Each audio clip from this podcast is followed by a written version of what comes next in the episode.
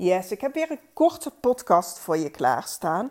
Vanochtend um, kreeg ik in mijn inbox het huiswerk van mijn klant. Zij heeft de afgelopen week heeft zij, uh, bij moeten houden waar zij anders reageert als voor de sessie.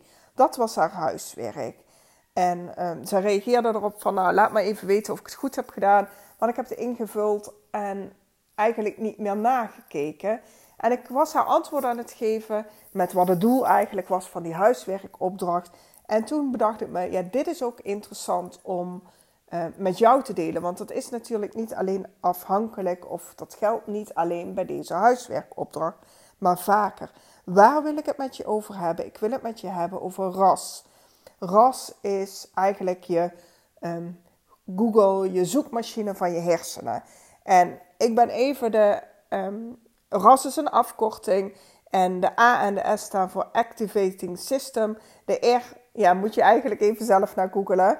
Want weet ik zo even niet uit mijn hoofd. En dan ga ik daar te lang over nadenken.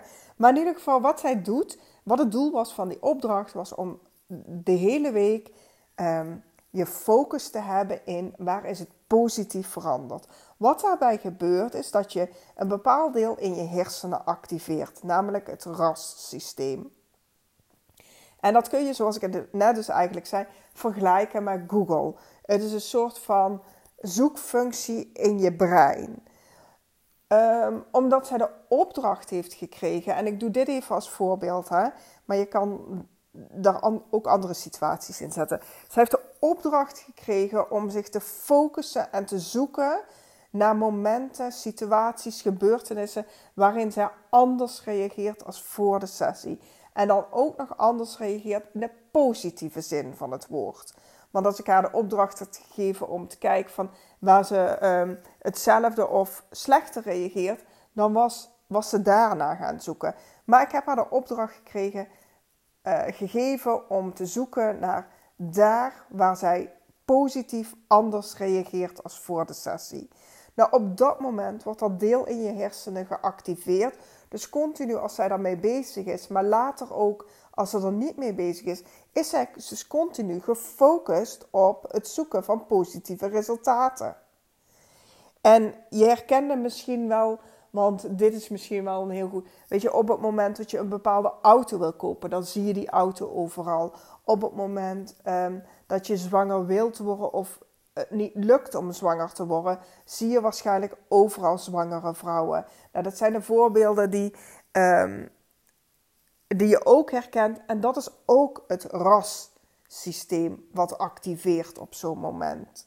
Jouw brein gaat op zoek naar hetzelfde.